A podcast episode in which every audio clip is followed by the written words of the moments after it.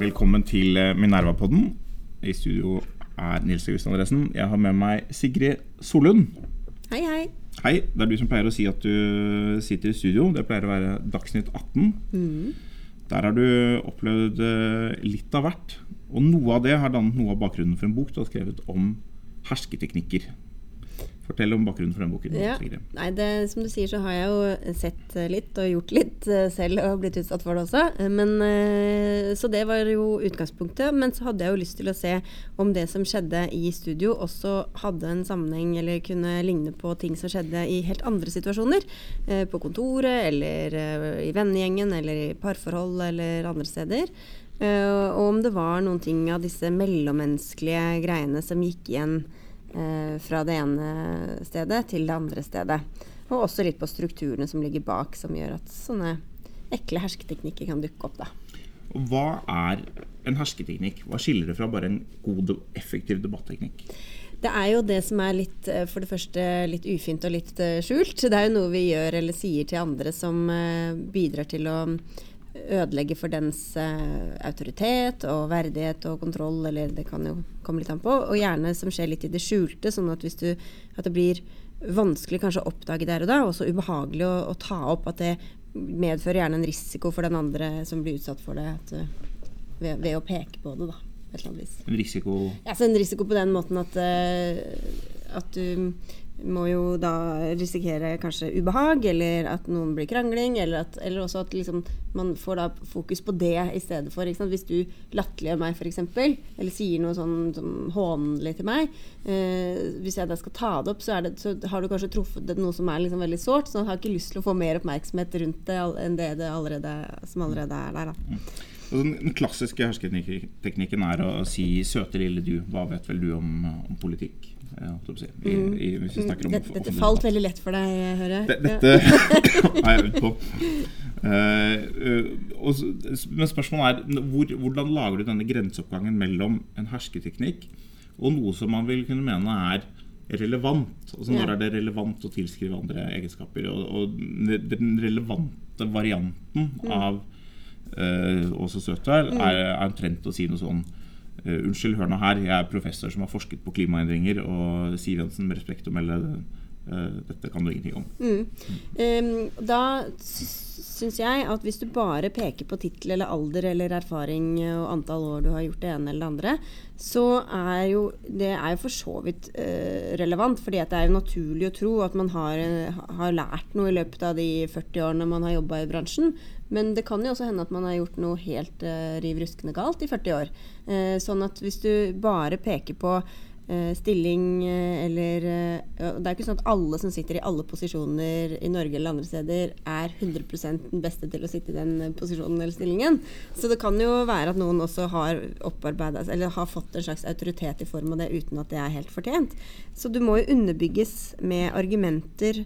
Eh, enten i form av eh, liksom, dette Det der må du aldri si til, til de ansatte her i Minerva. Jeg, jeg bruker det med Unnskyld, jeg er redaktør. Vi styrer ikke mer om det. Den Nei. Gud har gitt embetet, har han også gitt ja, forstand. Ja. Litt, litt upresis. Jeg, Men øh, øh, jo, så hvis du, hvis du skal peke på det, så må du jo si at Fordi gjennom min erfaring så har jeg lært sånn og sånn og sånn. Altså du underbygger det med argumenter eller med erfaringer. Så ja. øhm, det var, ja. og og i, en, eh, i en radiodebatt er jo det tidkrevende, og kanskje en av Mm. grunnene til at det ikke, ikke gjøres at man, har, ja. man vet at man har tre minutter å, Mm. å si noe på hvis setter den andre, andre på plass. Eh, en av de områdene hvor man eh, nettopp eh, henviser til den andres si, rolle, er, er kjønn. Hvor, man, hvor det er noe som du, du trekker frem i boken. Du har et intervju med eh, skal jeg se om husker hva hun heter Marie Louise Sunde, som sto bak denne Hun spanderer-kampanjen. Vil bare ta en liten bisak. eh, En liten eh, side note. Eh, Hun spanderer det kom inn i Norge i norsk skikk og bruk første gang i 1961. I den store skikk og bruk-boken. Det, det hadde man den gangen. Da skulle man lære hvordan man skulle oppføre seg. Det lærer vi åpenbart ikke lenger. Eh, Men eh, da var man i en sånn brytningstid hvor eh, man hadde erkjent at av og til var det kvinnen som faktisk spanderte. Kvinnen som hadde pengene. Det står litt i boken om at noen ganger er mannen student, mens kvinnen har begynt å jobbe. Mm. Og det står vel om at kvinner er i økende grad på vei ut i arbeidslivet og den type ting. Etter liksom 50-tallets husmortid. Eh, men det kunne måtte da løse seg at kvinnen ga mannen penger før de gikk på, på restaurant. Det kan være et triks å ta med seg i dag også. og Da kunne jo han ta pengene og stikke på bar med kameratene. ja, Men det var jo Da får han noen frihet til å velge. Det, det er så positivt. Og i dag kan vi jo løse dette med VIPs Så, Ja, det, så det er ikke som med bankkortene. Så det, det kan være noe å tenke på. Ja, men Det sier jo litt om, om forventningene til kjønnene, og hvordan det kan jo oppleves eh, eh, ubehagelig for begge kjønn. da. Ja, eh, og da skal vi tilbake til disse forventningene. Fordi hun mm. Sunde snakker om hvordan man eh, reduserer kvinner til et sett med egenskaper. F.eks. klær. altså At man ofte snakker om kvinner i offentligheten og næringslivsledere og politikere. Snakker man om hvilke klær de hadde på seg, hva slags inntrykk de gjorde osv. Og, og det er jo en eh, jeg er litt usikker på om det akkurat er en hersketeknikk, eller om det er eh, ufint på, på annen måte. Men eh, Mariam Iqbal Tahir, som eh, har skrevet om dette i, i Minerva, om eh, hvordan man omtaler klær hos eh, politikere, viser at eh, man omtaler klær hos mannlige politikere omtrent like ofte. Uten at vi kanskje opplever det som en hersketeknikk, fordi vi rett og slett ikke opplever at det reduserer dem. Eh, si- har det noe å si for hvordan vi opplever hersketeknikker? Hva vi, hva Ja. vi ellers tenker? Ja, det er klart, fordi mannen har jo tradisjonelt vært i en maktposisjon, eh, og så er vi jo nå gått inn i et samfunn hvor det er litt mer eh, brutt opp og mm, individualisert, og vi har fått heldigvis mer likestilling og sånn. Men de forventningene som ligger i samfunnet til at mannen skal spandere eh, på 60-tallet, eller hva det kan være, det henger jo sammen med hvordan vi oppfatter det. Sånn at en mann som blir Nå vet jo ikke jeg hvordan de, er de klærne er blitt beskrevet og sånn, men det er klart at hvis noen sier at han gikk i dress, så er det allerede et, et maktsymbol. på en måte. Altså, sånn at, Du Torbjørn Isaksen eh, for eksempel, har jo vært i denne slottsmiddagen i, i eh, bunad. Mm. Og i sosiale medier har det blitt, sånn, blitt spøkt litt med at han ser litt ut som en hobbit, Mm. uh, eksempel. Eh, Kjetil Solvik-Olsen har jo nå hatt Mm. denne Gull... gulldressen. Vi ler av det her vi sitter, ikke sant? Ja, vi, vi smiler. Det må lov å smile. Ja, det var lov å smile. Men, men det har vært fått omtale. Og, Ja. og var det jeg altså, Seriøse aviser har skrevet om dette som liksom Mm. uh, Altså De har ikke skrevet om en alvorlig sak, men de har skrevet om nettopp som uh, litt sånn ironisk distanse på at dette var en litt rar eh, dress. Men vi opplever allikevel altså det, det, er, det er noe interessant med hvordan vi opplever det når det er menn, versus hvordan vi opplever det som kvinner. Jeg tror både som i det enkelte tilfellet, men også når vi skal løfte det opp til kall det et, metanivå eller et politisk nivå, at vi ikke opplever det egentlig som noe tydelig strukturelt eller noe eller egentlig hersketeknikk heller når det er snakk om menn. Vet du hva hva det skyldes? Ja, altså det, jo, det skyldes jo hvordan vi, altså at vi tradisjonelt har sett på menn og kvinner ulikt. Men også at eh, kvinner har fått høre det mange ganger. At, eh, jeg har jo snakka med en del lokalpolitikere og sånn også, at de ofte får kommentarer på utseende på klær og sånne ting. Som sikkert ikke er vondt ment, men som, som er i hvert fall med på å eh, senke mm, autoriteten, eller kan gjøre det. Fordi at blir, ingen forholder seg til hva de faktisk sier, men mer til at de har fått, fått en gøyal frisyre eller et eller annet sånt noe. Men så skal det vel også sies at for de mennene som kanskje opplever det, da, hvis, hvis Torbjørn Risaksen Nå er jo ikke han en veldig sånn sart person, sånn som jeg opplever ham. Men hvis han hadde syntes det var ubehagelig å bli omtalt som en hobbit, eller altså det, det ville jo jeg i så fall forstått veldig godt, eh, så er det vanskeligere for ham kanskje å si det fordi at det liksom, vi tenker sånn ah, de må jo tåle Altså at liksom vi ikke har det derre bildet av menn som sånne eh, Vi har ikke helt det inne heller at de er utsatt for det samme presset eller det samme eh, Mm. stereotypiene da, som, som kvinner tradisjonelt har vært. Sånn at vi, vi må jo være litt forsiktige med å liksom bare å, å gjøre akkurat det samme, de samme feilene mot kvinner, gjøre det, ta dem over på menn. Men det, men det, det viser jo at eh, hva som er en hersketeknikk uh, reelt altså te Teknisk sett så kan vi definere en hersketeknikk på en eller annen måte. Dette er kvalifiserer. kvalifisering. Men hvordan det oppleves både av avsender og mottaker og dem rundt, uh, vil jo avhenge av forventninger og i en viss, en viss grad kanskje av personlighetstype og sånn også. Absolutt. Jeg tenkte på et annet eksempel nå eh, som kom denne uken, tror jeg, er uh, bladet L, som jeg ikke leser så ofte. Men det var noen som skrev om hos tannlegen. Nei, men De har hatt en liste over eh, de 30 mest sexy mennene. Eh, eller noe, noe sånn. Og så var ikke det der. Det er hersketeknikk! Ja, det er akkurat det! Takk, Sigrid. Det er, eh, det er så godt at noen sier det. Ja. Men, eh, nei, men det var vel Sigve Indregard i, i Morgenbladet som påpekte at sånn, dette er eh, Som brukte det som man kanskje kunne si er en hersketeknikk. Nå lever vi i 2017. Det er jo ikke noe egentlig argument i noen, noen retning. Det er en faktaopplysning. Det er en faktaopplysning. Snart, Enn- snart, enn så lenge. Enn så lenge, Sigve, så er det 2017. Men uh, hvor han da argumentet hans er altså, Vi gjør ikke dette med menn heller. Eh, men det er, jeg tror også det er et eksempel på noe som kanskje blir oppfattet litt ulikt uh, allikevel. Mm. Hvis det hadde vært om kvinner altså det, da, da ville folk sagt det, det er 2017. Liksom. Ja. Vi, vi kan ikke sette kvinnelige politikere eller næringslivsledere eller andre på en sånn eh, hot Ikke engang, ikke engang skuespillere, Nei. som man kunne en, en stund. Ja. Uh, ikke det engang kan vi gjøre, mm. Selv om det var mange Jeg tror han var Jeg tror han William havnet på den listen. Altså. Skam-William. Skam-William. Jeg husker ikke hva han heter. Thomas uh, Hayes. Ja. Ja. Eh, ja, nei, men det er klart det. Altså, det. Og det handler jo om disse forventningene som er så annerledes. Uh, og så kan vi jo si ja, skal vi slutte med det der. Altså, samtidig så eh, er, blir jo kanskje ikke de mennene redusert til bare å være det. Eller vi oppfatter ikke det, da. Ikke? Mens, mens kvinner ville kanskje blitt oppfattet og da fordi at vi har den historien vi har. Vi kan jo ikke kvitte oss med den heller. At da, selv om det akkurat det samme skjer mot en mann mot en kvinne, så kan vi oppfatte det annerledes pga. at vi rett og slett har hatt uh, så mye historie med ulike kjønnsroller. Men hvis jeg bare kan si Nå er jeg sånn yes in Dagsnytt 18. Hvis jeg bare kan komme tilbake til det du sa i stad, så er det ikke alltid helt lett å peke på. Du sa hvordan definerer vi det, og hvordan opp, oppleves det sånn.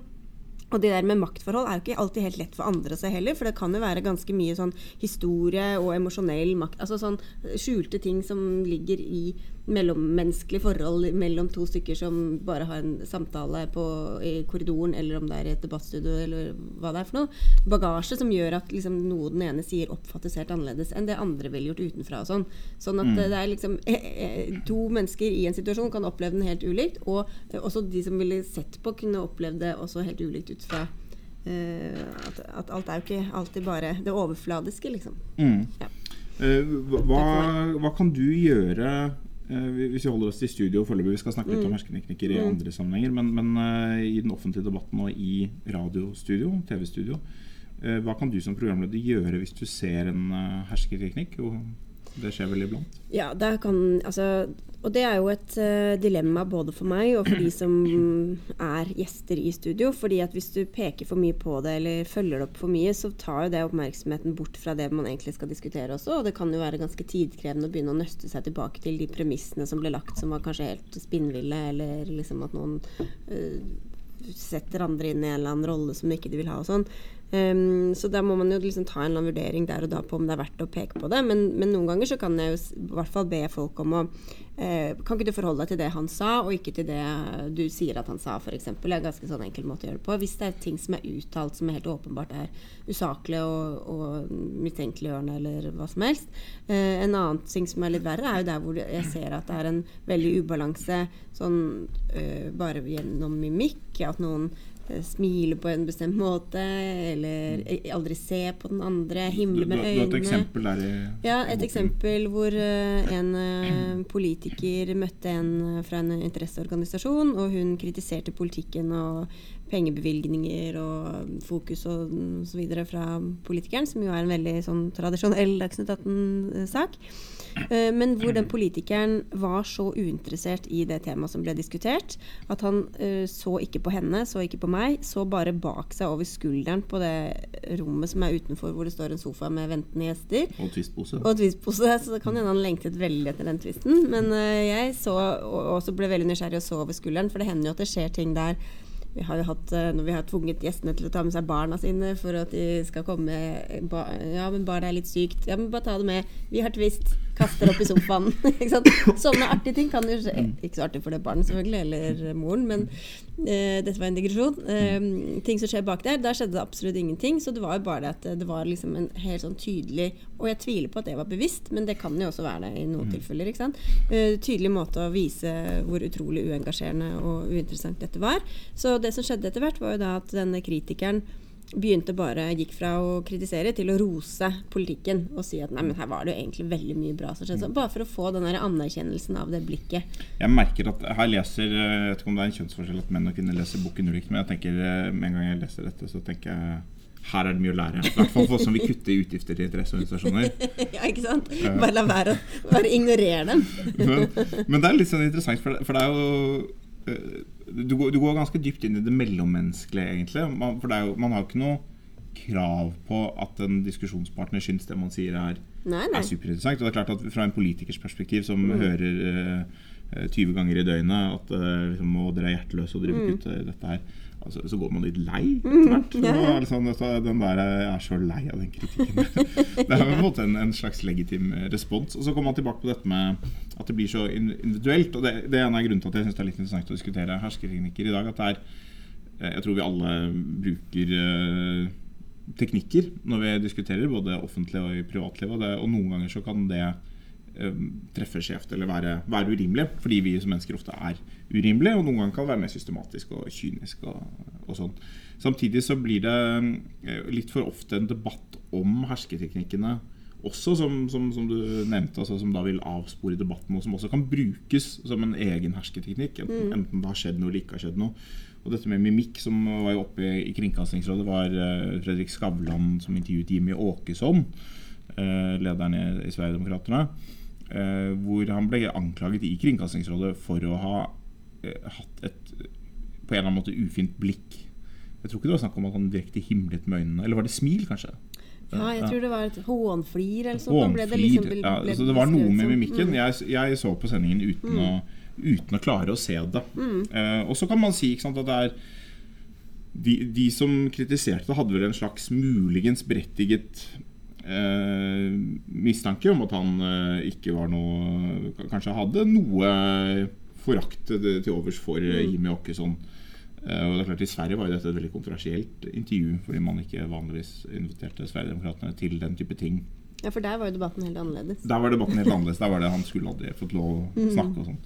Men, men, det er jo interessant, det har noe å si hvis du kommer fra en posisjon hvor du er veldig vant til å bli hånet eller utsatt for, uh, for mm. forakt, mm. så er det mye lettere å lese det inn i den andre også. Og så kan det være da, si til seg selvfølgelig, det er Ja, ok, det var kanskje bitte lite grann i den grad dette fins. Det var bitte litt forakt i smilet. Mm. 4% forakt i det smilet, teknisk sett. Mm. Uh, men i andre sammenhenger så hadde ingen reagert på det, tenkt på det. Men fordi du er så var på det, ja. så, så, ser du det. Og, det, og sa, Du sa jo det mistanke i stad. At det er jo noe med å mistenkeliggjøre da hans følelser eller motiver i denne, altså Skavlans uh, i dette tilfellet.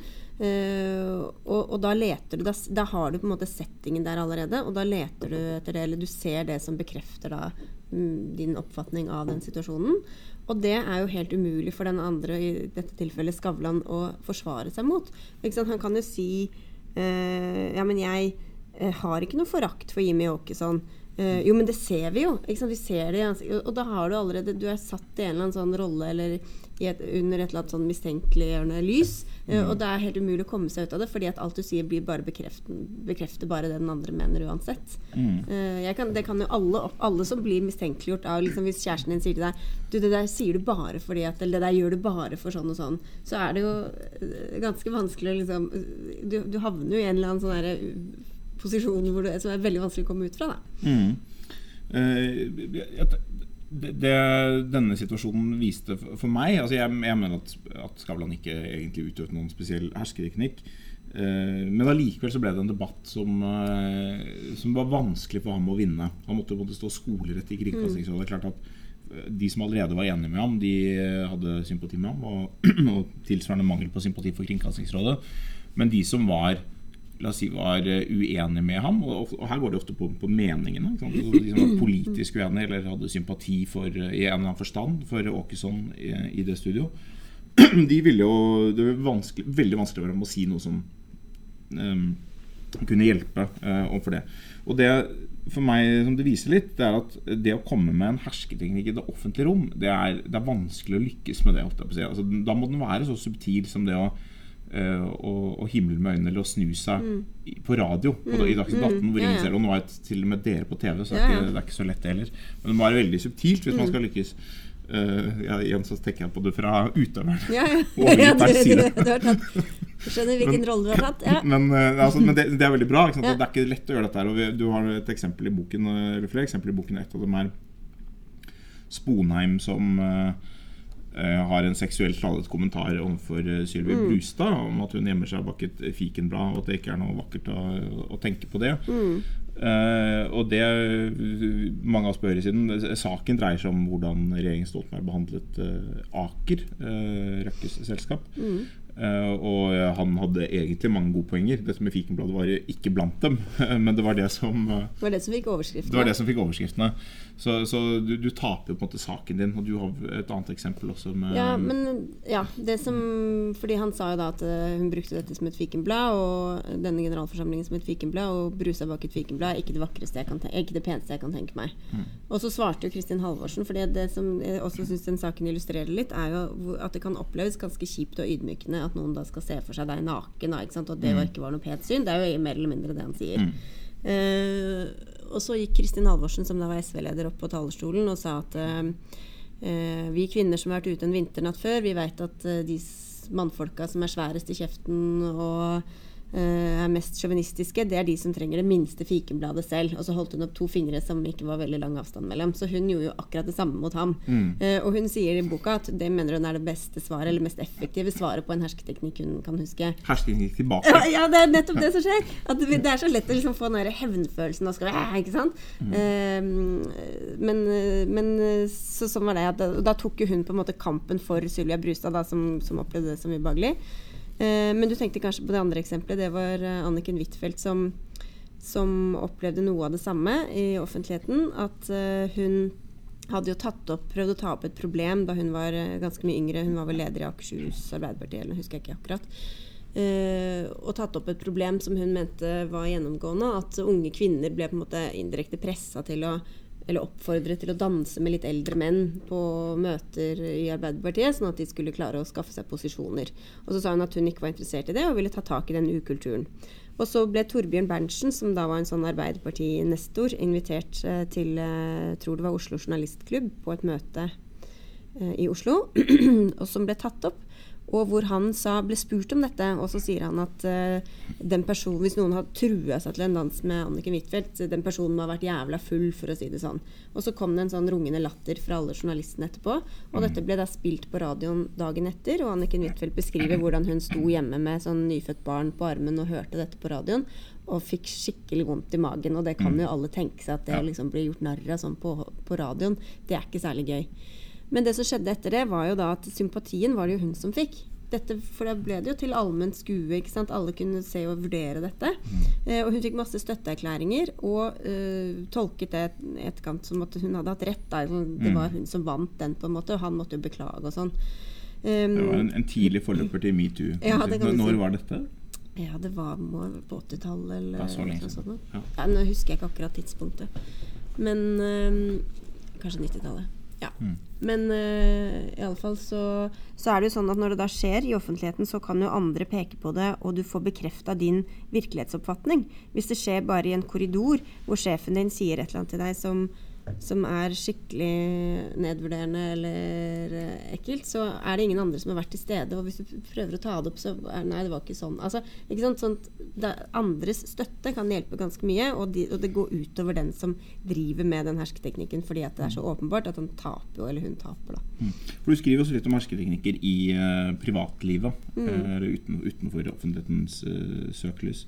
Da kan du si noe, eh, noe mer om det? Ja, det er jo mye av det samme som går igjen, at du kan bli usynliggjort eller latterliggjort eller påført skyld og følelse og skamfølelse og sånne ting. Og for særlig i et parforhold kanskje, så er det eh, kan det fort skje at den ene inntar en eller annen offerrolle, eller inntar en eller annen eh, Altså tar over virkelighetsdefinisjonen av, av forholdet. Eh, du er alltid sånn, vi er alltid sånn, jeg, hvorfor er du alltid sånn? Altså, ikke sant? At, at, at, den, eh, at den andre som blir utsatt for det, til slutt mister troen på sin egne eh, evne til å lese situasjonen, og på at, han eller hun er en ok person. Um, og jeg har snakka med flere psykologer i forbindelse med denne boka, bl.a.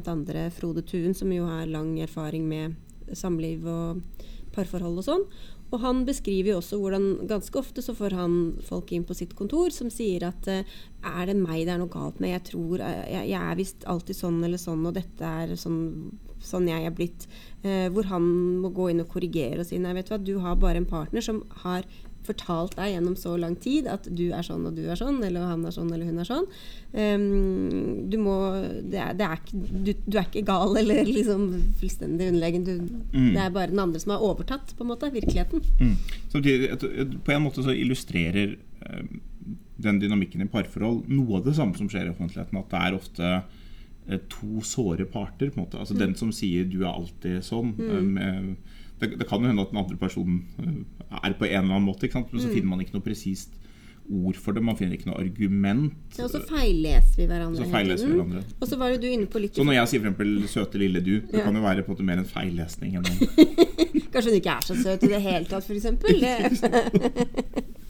Men jeg skulle si det der med, eh, til den eh, Fredrik Skavlan-episoden, så sa du jo noe som var litt viktig også, at det er sikkert noen som alltid har følt seg forfulgt eller som en underdog, og da leser de det inn i et eller annet. Ikke sant? Der var det hån osv. Og, mm. og sånn er vi jo forskjellige. Så noen er veldig såre på ting av legitime eller illegitime grunner. Eh, og dermed vil vi lese noen i, alltid i, mest, i verst mulig mening. Eh, selv om det ikke er sånn ment, og ikke ikke ligger noe bak der i det hele tatt. Mm. mens andre liksom tar sånn Ja, ja, ja, alt er liksom greit. Altså, liksom, vi er innmari mm. ulike også, og det må vi ta høyde for. I USA var det vel i går eller i forrige år så hadde Donald Trump en tweet, tro det eller ei. han med det? han. Ja, han driver og tweeter. Veldig moderne type. Og veldig moderne. Da skrev han om uh, Kristen Gillibrand. Den mm. Demokratisk senator, uh, hvor han skrev uh, henne. og av typen Det er ikke lenge siden hun kom for å be om eh, valgkampbidrag fra meg. Uh, og hun var villig til å gjøre hva som helst for mm, penger. Mm. Believe me. Et eller annet sånt. Og det er en sånn det, det, er åpenbart at denne tweeten er det mulig hvis man vil å tolke i en eller annen seksuell retning og villig til å gjøre hva som helst. Mm.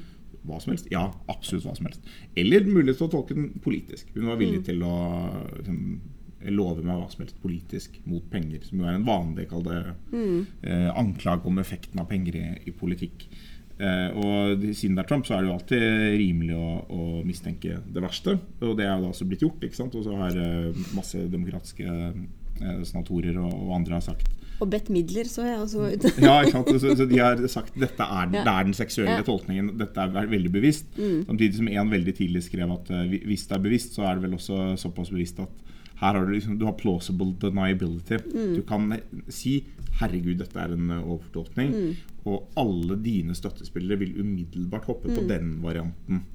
Eh, og det er klart at Sånn kan man bruke kynisk, men det, det illustrerer jo på en måte at vil ofte, det vil finnes genuine situasjoner der folk tolker ting uh, ulikt. Eh, og noen ganger så velger man å bruke anklagen om en hersketeknikk kynisk fordi du kan tjene på den. Noen ganger så tolker man det sånn genuint og, br og, bruker det, men, men, det var genuint ikke ment sånn. Og det var på en måte like rimelig å tolke annen måte. Og det er, det er, litt at jeg tenker at eh, noen av, Der hvor vi forstår ting ulikt, og sånn som denne Jimmy Oxon-episoden eh, og, og, mange andre sammenhenger Så Noen ganger er det bedre å prøve å lære eh, hva man gjør i møte med hersketeknikk, snarere enn å, å, å være så, ja, snarere å være så opptatt av at det er en hersketeknikk. Mm. At det er ja, for det er jo det som skjer, eh, som er interessant. Og ikke hva man kaller det nødvendigvis, selv om det er viktig å ha et språk for alt og sånn. Så er det jo akkurat sånn men, Og det som ofte skjer i en sånn oppheta situasjon hvor det er veldig polarisert og sånn, er jo at vi blir veldig eh, hevngjerrige. Eh, og vi leser hverandre veldig vrangt også der hvor det ikke nødvendigvis er sånn. Og klarer ikke helt å, å, å se hva som er hensiktsmessig å gjøre i den situasjonen, for vi, vi blir så emosjonelle. Mm. så, så, noe vi kan prøve på, er jo å liksom, puste litt og tenke sånn OK, for det, jeg vet ikke om du har gjort sånn, men sendt liksom, liksom mailutveksling f.eks., og så litt sinna og sånn, og så etterpå så går hun og leser sånn Å ja, det var kanskje ikke akkurat sånn ment. Ikke sant? Jeg trengte mm. ikke å tolke det på den måten. Eh, for det er hvis vi først er i en eller annen sånn modus, så mm. leser vi også alt eh, inn i den modusen. Um, men iallfall, så, så jeg tror også det at det er hensiktsmessig å prøve å liksom puste litt og tenke også sånn OK, det må jo ikke ha vært ment sånn. Og dessuten, selv om det var ment sånn, kanskje det er eh, lettere for meg å jobbe liksom, med mine egne, at jeg ikke skal ta meg så nær av det, enn å begynne å, å fyre opp under det. Eh, mens andre ganger så er det jo ting som man rett og slett må påpeke. Mm. Vi kan ikke la det bare skli unna. Men i stedet for å si sånn 'Du driver med hersketeknikk, din jævla dust', så er det kanskje lurt Det er lov å si det på Minerva-podden, eller? Dust er det gjerne. Men så er det kanskje lurt å si sånn Vet du hva, nå eh, altså, å, å, ta tak i det fysiske eller faktiske som har skjedd i situasjonen. Um, du sier at jeg sier det, det gjør jeg ikke. Altså At vi liksom prøver å ta det ned på jorda da, på et vis. Mm. fordi at da skalerer vi ikke opp konflikten, eller da i hvert fall peker vi på det som skjer. Sånn at da overtar vi også litt sånn at den, den, neste som blir sagt, det blir kanskje lest litt i lys av det mm. vi har påpekt. Det er klart, Hvis, hvis du tar en, tilbake til Trump-tweeten Han har jo hatt flere uttalelser av den typen som har vært konstruert på en måte med denne um, muligheten for å nekte det i etterkant. Altså, han hadde snakket om Meghan Kelly, mm. et nyhetsanker den, som den gangen var i Fox News. Som måtte mm. det renne blod ut her og blod ut der. Og, uh, som ble knyttet til um, menstruasjon og uh, forskjellige ting. Men, uh, hvor han nektet for det. Og, ja. en annen kontekst. Han har jo masse sånne Han har jo så mange kvinnefiendtlige mm. uttalelser at det, det, er lett å, å finne dem. Men de er veldig ofte disse tweetene er veldig ofte laget sånn at det er mulig å komme seg ut av dem. Og det er klart at Hvis man, hvis man mener at en rimelig tolkning av dette er dette gjør han bevisst, Eh, så er det jo rimelig å påpeke det. Samtidig som det nettopp har den konsekvensen ofte at det, det bare polariserer det ytterligere. Mm. Eh, de som allerede støtter ham, vil, mm. vil bare støtte ham sterkere.